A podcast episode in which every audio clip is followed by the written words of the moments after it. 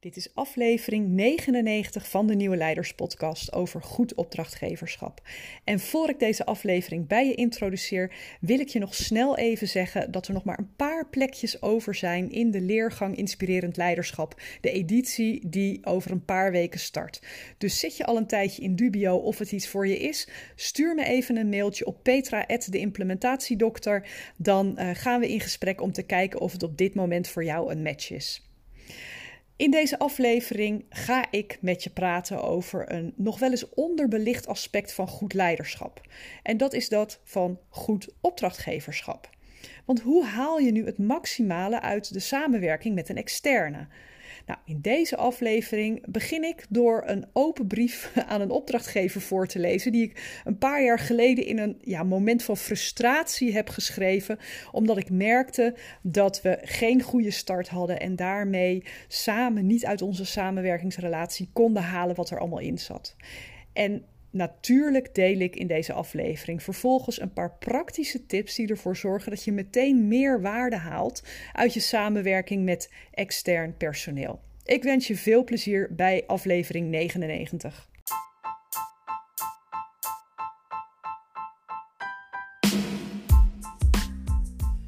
Tijden vragen om nieuw leiderschap. Mijn naam is Petra Kuipers en vanaf deze plek neem ik je mee op onderzoek naar hoe we nieuwe vormen van leiderschap kunnen ontwikkelen in organisaties, in teams en, niet in de laatste plaats, bij onszelf.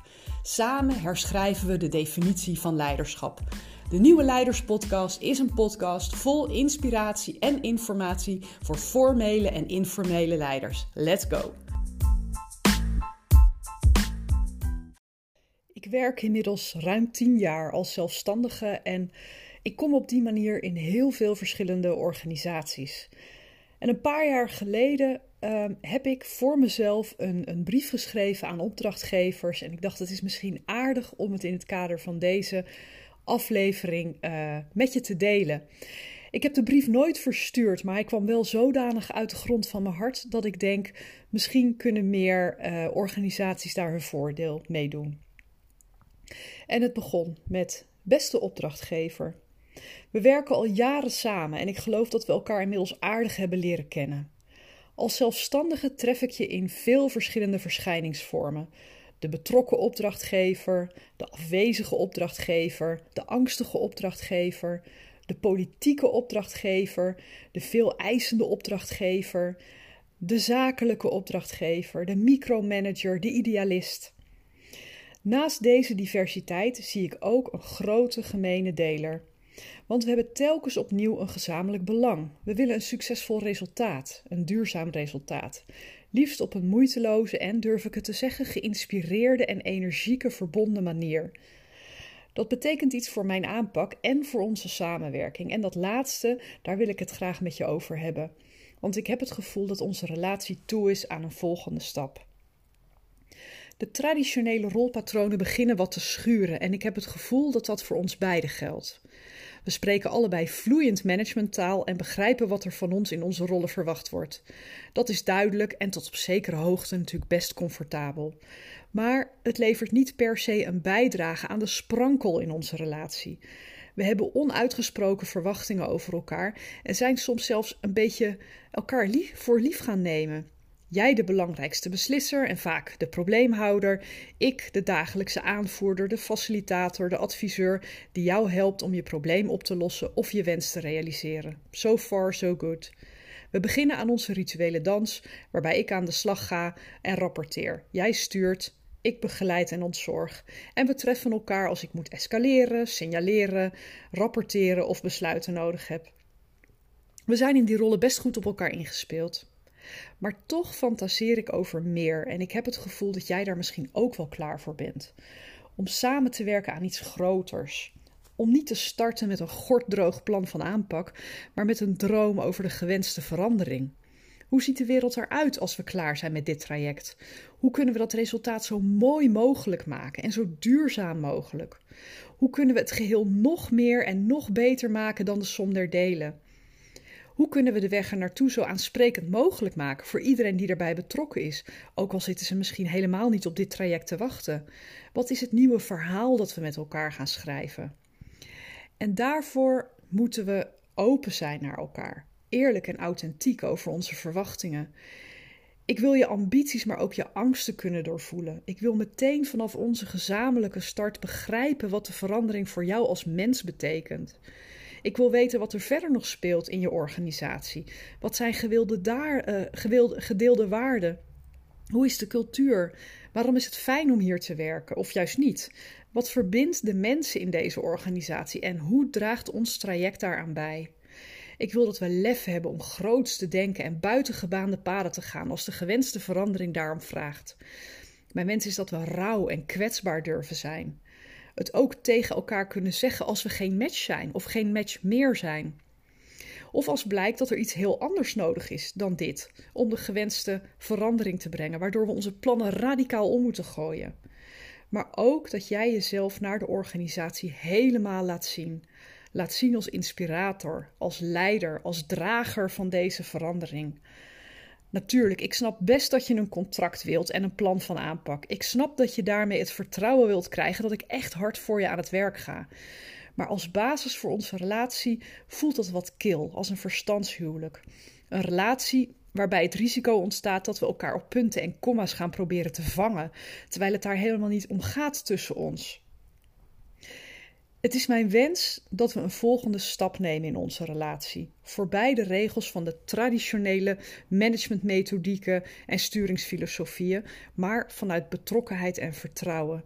Dat we een bondje sluiten waarin we gezonde spanning vasthouden als opdrachtgever en opdrachtnemer, maar waarbij we ook samen dit traject als een vehikel inzetten om een grotere positieve beweging op gang te brengen. Durf je het aan? Nou, dit verhaal kwam na de nodige ervaringen bij verschillende organisaties bij mij naar boven. En uh, ik heb hem nooit als brief verstuurd. Daar is hij misschien ook niet helemaal geschikt, uh, geschikt voor. Maar het geeft wel iets aan over wat veel externe ervaren als ze ergens in een organisatie binnenkomen. Natuurlijk wil je een zakelijke overeenkomst sluiten. Maar wat je vaak meemaakt, is dat daarna de opdrachtgever uh, of verdwijnt, of je heel erg op punten en komma's afrekent, terwijl alleen een contract is niet genoeg. Het gaat om vertrouwen en het gaat over een soort samenwerkingsverband waarbij je uh, heel genadeloos eerlijk met elkaar kunt zijn en ook echt iets groters kunt gaan opbouwen. En deze aflevering uh, wil ik niet alleen gebruiken om je daar bewust van te maken. Misschien ben je zelf een externe, misschien heb je soms de rol van opdrachtgever. Maar ik wil je ook wat praktische handvatten geven vanuit beide perspectieven. Van hoe kunnen we nu de meeste waarde halen uit de inzet van externe. Zelf kom ik veel over de vloer van organisaties die iets willen uh, veranderen op het gebied van cultuur of leiderschap. En dat zijn voor mij de allermooiste trajecten die er zijn, maar het zijn ook hele kwetsbare trajecten. Want je laat als het ware iemand in de ziel van de organisatie kijken en ook spiegelen wat diegene aantreft. Dus dat vraagt iets van de openheid en, en de relatie die je met elkaar durft aan te gaan. En dat is natuurlijk niet van de ene op de andere dag.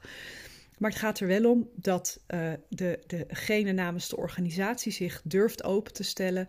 En dat de externe uh, het vertrouwen weet te winnen dat die zich met ziel en zaligheid erop opstort. Ook al kan je aan de voorkant nog niet precies voorspellen wat je onderweg tegen gaat komen, als de kwaliteit van die relatie bestaat uit respect en openheid en kwetsbaarheid en authenticiteit, dan uh, maken de golven die op je afkomen niet zoveel uit. Die kun je dan met elkaar bedwingen en dat is helemaal prima. Ik wil daarom graag wat tips met je delen die gaan over uh, het goed opdrachtgeverschap. Want opdrachtgever van een externe, dat is ook een vorm van leiderschap. En daarom vond ik dat die in deze podcast sowieso thuis hoort als externe voelde ik me en voel ik me nog steeds vaak een soort, uh, een soort bij, zeg maar. Ik kom op heel veel plekken en ik kan dus heel goed met elkaar vergelijken wat er werkt en wat er niet werkt. En hoe combinaties zijn van als dit de cultuur is, dan zijn dit dingen die daar werken. En de kennis die ik ophaal in al die verschillende organisaties, die neem ik weer mee om volgende organisaties waar ik opdracht heb, om die te kunnen bestuiven. Dus zo neemt bij iedere opdracht in principe mijn waarde toe. En die waarde die deel ik ongelooflijk graag. Dat is echt wat ik het allerliefste deel. Maar zoals je uh, bekend is, gaat het niet zo best met de bij. uh, toch met de bijensoort extern adviseur of extern consultant, projectleider, lijkt het nog wel redelijk prima te gaan. Ik kom ze in mijn werk in ieder geval overal tegen. Waar ik rondloop zijn vaak ook externe ingehuurd als uh, extra medewerkers, uh, zijn flexibele schillen, nou noem het allemaal maar op. En zelf ben ik natuurlijk ook voor de tijd dat ik meeloop in organisaties extern. En ik kan me voorstellen dat juist die bestuivingsfactor voor organisaties ontzettend aantrekkelijk en waardevol is. En toch ben ik vaak verbaasd dat opdrachtgevers die externe werkbijen, om ze maar even zo te blijven noemen, niet veel beter benutten. Want uh, om deze flauwe metafoor maar even erbij te houden, naast alleen maar bestuiven kunnen bijen ook allerlei nuttige bijproducten opleveren. En de pun was not intended, maar hij is er nu eenmaal. Flauwe woordgrap. Aan de andere kant zie ik externe soms ook nog wel eens volledig losdrijven van organisaties. Dan werken ze op eigen houtje, houden in hun aanpak geen rekening met uh, wat er werkt in de organisatie of wat daar aan methodieken worden gebruikt. Uh, of ze zijn door allerlei eh, ja, onduidelijke afspraken soms wel, soms niet aanwezig, dus ook een soort van grillig. Met als gevolg dat dan de resultaten teleurstellen. En als dat gebeurt, dan merk je dat een organisatie zich de volgende keer eerst achter de oren krabt, alvorens er weer een externe wordt ingehuurd. Dus vandaar dat ik deze twee kanten van de medaille graag wil belichten. En dat ga ik doen door je een aantal tips te geven vanuit het perspectief van externe. Zijn het mijn tips aan jou als opdrachtgever. Maar voel je vrij daar ook je gedachten over te vormen als jij niet de opdrachtgever bent. Op het moment dat je deze tips ter harte neemt, dan haal je veel meer uit de samen, samenwerking met welke externe dan ook. Of het nu iemand is die als extra uh, workforces uh, ingehuurd en daardoor uh, de hele week bij je ingehuurd zit. Of iemand die een tijdelijke klus komt doen en af en toe een paar uur invliegt. Met deze tips kun je je voordeel doen. En mijn eerste tip is. Um, kijk in de selectie van externe medewerkers net even wat breder dan alleen maar naar de competenties die je nodig hebt. Dus uh, natuurlijk krijg je iemand binnen via een bureau of misschien een ZZP'er die een bepaalde klus voor je kan klaren. Maar het is altijd handig om de kandidaten ook te bevragen op andere vaardigheden en ambities. Want daar zit heel vaak bijvangst die ontzettend nuttig kan zijn binnen je organisatie. Kom je erachter dat iemand bijvoorbeeld ontzettend goed kan schrijven, dan kan dat heel erg helpen. Is het iemand die heel goed kan denken over design, terwijl dat niet de opdracht is, dan kunnen dat net de leuke bijvangsten zijn, waardoor je nog meer rendement kan halen uit, uh, uit die samenwerking. En tegelijkertijd uh, iemand ook echt enthousiast maakt over de klus bij jouw organisatie. De tweede is zorg voor een vlotte onboarding procedure. Ik zie uh, vaak dat externe eigenlijk dezelfde praktische zaken moeten doorstaan als gewoon wel, willekeurig welke nieuwe medewerker. Hè? Een pasje, een e-mailadres, login, uh, een druppel om binnen te komen of wat dan ook. Toch gebeurt het regelmatig dat ook al weet je dat die externe gaat komen uh, vanaf de volgende maand, dat de eerste facturabele dagen van een externe in het teken staan van het regelen van autorisaties en werkplekpasjes uh, en dat soort dingen. En dat is zo zonde. De externe in kwestie kan daar niks aan doen. Maar je had hier een hele mooie ja, uh, besparing kunnen boeken, zeg maar, door dat gewoon op orde te hebben. De derde is benut de verwonderpunten van een verse externe, laat ik het even zo noemen. Iemand van buiten die jouw organisatie van zo dichtbij leert kennen, die kan vrij moeiteloos benoemen waar verbeterpotentieel is of waar juist dingen zitten die heel positief afwijken van wat hij verder tegenkomt. Het is voor jou als opdrachtgever ongelooflijk waardevol om het net op te halen en te kijken waar dingen zitten die jij zelf nog niet wist, waar je je nog niet van bewust was, waar je dingen kan verbeteren, maar ook waar dingen al zo goed gaan dat je je daar positief mee onderscheidt zonder, zonder dat je dat wist. Zonder om je daar niet uh, bewust van te worden, dus maak daar vooral gebruik van. De vierde tip is: wees helder over kaders en verwachtingen. Is het bijvoorbeeld de bedoeling dat de externe meegaat naar het afdelingsoverleg of naar bepaalde trainingen? Hoe zit dat met een afdelingsborrel, met een uitje, met een kerstpakket? Ehm, wat als een externe uren in rekening brengt voor een afdelingsoverleg of een training of een, een gezellig samenkomen? Hoe, hoe, kijk je daarnaar? Voor een opdrachtgever lijkt dat misschien heel duidelijk en een kwestie van een moreel kompas, maar expliciete afspraken kunnen daar pijnlijke of ingewikkelde situaties voorkomen. Niet elke externe heeft daar hetzelfde kompas eh, in of maakt daar dezelfde afweging in. En ehm, het is goed om daar heel open een uh, gesprek over aan te gaan. De volgende is: geef de externe vertrouwen op de inhoud. Je huurt als organisatie een deskundige in om een specifieke klus te klaren. Laten we dat het wat noemen, wat er moet gebeuren. Vaak heeft die professional al best behoorlijk wat ervaring met soortgelijke opdrachten als je dan precies het hoe gaat voorschrijven, dan uh, is dat eigenlijk zonde. Want als organisatie is het vaak een vrij nieuw traject. Terwijl als je het hoe aan de externe overlaat en aan de ervaringsdeskundige overlaat, dan verloopt het veel vlotter. Die kan bepaalde fouten voorkomen, die kan op ervaring uit het verleden nu mogelijk meer snelheid maken dan wanneer jij zelf het wiel gaat uitvinden op dat vlak. Um, Eentje die ik vaak ook zie gebeuren is: um, voorkom dat de kennis, ervaring en feedback met de externe de deur uitlopen. Met andere woorden, ook voor externe kan het een heel goed idee zijn om een exitgesprek te, uh, te regelen, om dat gewoon in je processen op te nemen. Um, je kan zelfs zeggen van uh, aan het begin van de opdracht maken we al afspraken over borging, over overdracht, over vindbaarheid van bepaalde documenten, over dat soort dingen. Vaak gaat het alleen over het aantal uur en over resultaten. Maar hoe zorg je nu dat um, alles goed geregeld is als die externe de deur uitgaat en dat je ook de verwonderpunten, de lessen, um, uh, nou ja, en, en iets over de ervaring terug hoort op het moment dat jullie samenwerking is afgelopen. Een laatste is, na een prettige samenwerking is een tevreden externe eigenlijk altijd een enorm goede ambassadeur voor je organisatie. Besef dat externe op zoveel verschillende plekken komen dat het je heel erg kan helpen om ehm, eh, mensen naar jouw bedrijf toe te trekken, mooie verwijzingen te krijgen, een, een ja, nieuw netwerk aan te leggen met, met uh, collega's, conculega's, misschien ook een, een, aan je imago als betere werkgever te werken. Um, een goede samenwerking, een tevreden externe die terugblikt op jouw bedrijf of jouw organisatie. Als wat heb ik daar goed gewerkt? Wat doen ze daar mooie dingen? En wat een heerlijke cultuur.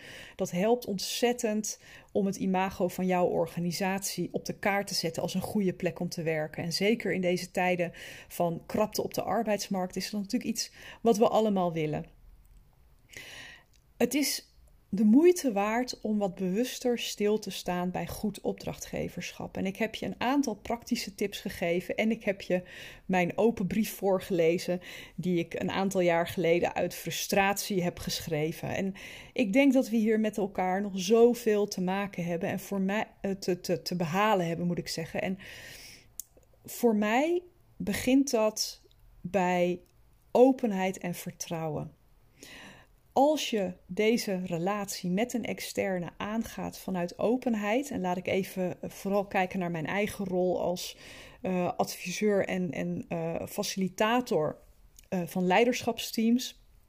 Als we daar vanuit het begin de kaders hebben van een zakelijke afspraak, maar dan snel die vertaalslag kunnen maken naar een relatie waarin we heel open durven zijn naar elkaar, kwetsbaar durven zijn naar elkaar. En dat geldt net zozeer voor mij als voor jou als opdrachtgever. Dan kunnen we zo ontzettend veel meer waarde halen uit onze samenwerking. En dat gun ik jou, ik gun het mezelf en ik gun dat eigenlijk alle externe die um, nou ja, van de ene naar de andere opdrachtgever gaan en daar nou ja, soms ook uh, niet de waarde kunnen neerzetten waar ze op hadden gehoopt. Dus dank je wel tot zover en uh, ik uh, spreek je graag weer bij de volgende aflevering. Dankjewel voor het luisteren naar de Nieuwe Leiders Podcast. Was deze aflevering waardevol voor je? Door hem te delen of een recensie achter te laten, help je nog veel meer mensen om de Nieuwe Leiders Podcast te vinden. En vergeet niet de podcast te volgen zodat je niets meer mist. Ik tref je graag bij de volgende aflevering.